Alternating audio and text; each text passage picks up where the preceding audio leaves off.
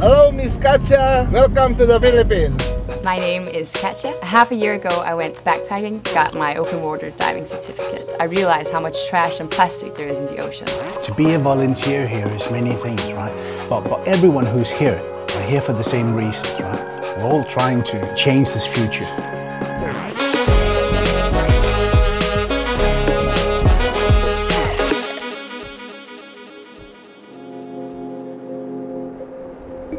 Half a year ago, I went backpacking all over Asia, and that was an amazing experience, but also an eye-opening one because I realized how much trash and plastic there is in the ocean.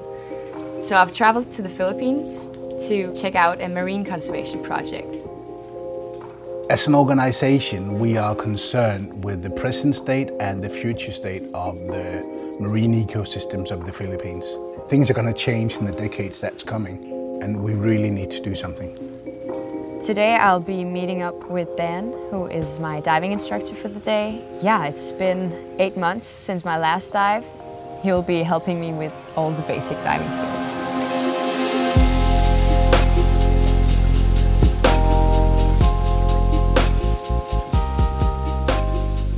When you come here, depending on what your previous background is, how long you're with us and so on, you get tasked with one specific job and that's what we train you to do.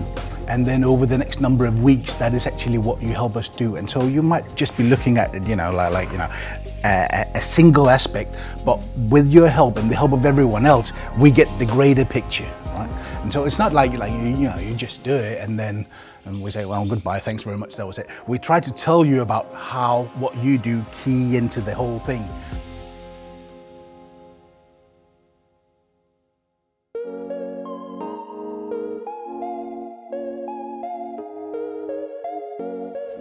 Alright, so we'll start the morning by I think just going around the table. There's quite a few of us. Today I'll be joining the intercourse to survey dives and afterwards I'm gonna get down in the water and do some survey diving myself and see how they collect their data here.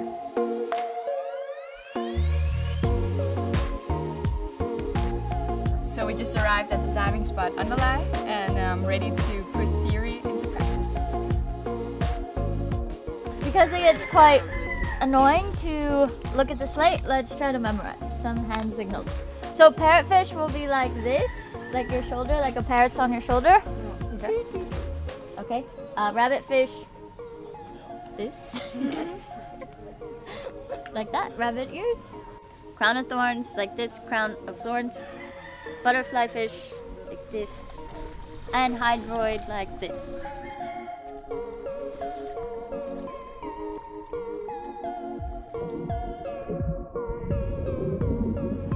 One of the ways that the surveys that volunteers do here help is that we get a very clear idea of the marine biodiversity and, and, biomass of certain areas. And having that knowledge provides a tool to the decision makers locally, right? They're, they're, they're very good at asking us, what, what should we do? Like, if we want to preserve a certain area for the future, turn it into a marine protected area, what should we do and where should we do it? And with the help of the volunteers who come here, we can actually answer that question and we can say, this is likely to be successful or that is not likely to be hmm. successful for these reasons. Each individual little data point helps us answer some very, very big questions. I mean, you, you see how, how, how busy we are and what hmm. goes on here and, and, and it, it, it's not a holiday coming here is not a holiday. And, and it, it ticks a lot of the same happy boxes that a holiday does. You know, you, you get to know amazing people, you, you, you get to see things underwater that is just stunningly beautiful.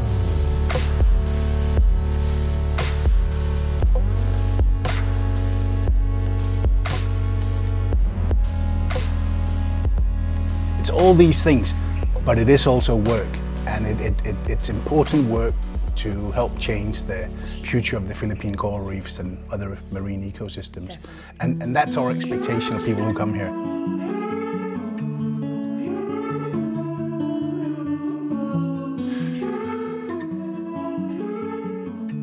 Um, we're here at the beach to do a beach cleanup.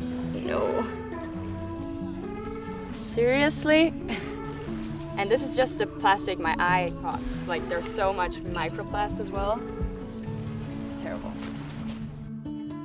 So yeah, some of the beaches especially like the busier ones, they're just always they're always like there's always trash on them. Like a, a tide will just bring loads of plastic, but we we hit a different beach each week to just keep them all as clean as we can. Yeah. So we gather all of the data, and the reason we sort it into all of the subcategories is then we can target specific things. So like it's really common in the Philippines for people just to buy water on the side of the road in a little bag rather than a bottle or something.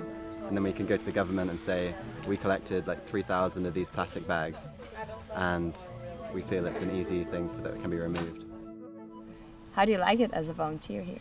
It's really good. It's, um, I mean, the friendships here are incredible. Uh, you bond really quickly with people. You get into a routine really quickly, and that, that really affects your personal life majorly in a good way. So when I lived in Denmark, like I usually went up, like I, I like to wear expensive clothes and all that. And we're very strict in my everyday, but like here, you just you kind of learn how to more like appreciate life more. You get a deeper understanding of, of how you want to like live your everyday, and you kind of get happier by living more. Mm-hmm. Like I don't know, basically. What made you want to come to MCP to begin with? So uh, I learned to scuba dive last year, kind of like itching to get back in the water. But I didn't want to do it just for me. I wanted to give something back, and that's how I came across MCP.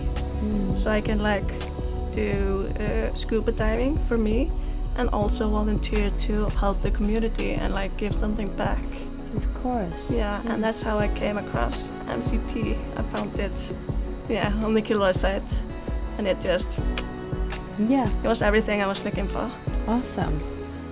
I mean, MCP is about so much more than just, you know, diving or cleaning the beaches. It's such a, a break from reality to be here. And not just a break where you're just like on holidays sipping margaritas. You're having a break that gives your life some value, some meaning. You're here making the world a better place, and everyone can contribute here. Uh, you don't need to be a marine biologist or a, an expert at diving. You can come here and learn it all from scratch and then develop into as big of an expert you'd like. And I think that's what MCP is so good at. There's room for everyone and anyone. As long as you just want to learn, you'll fit right in.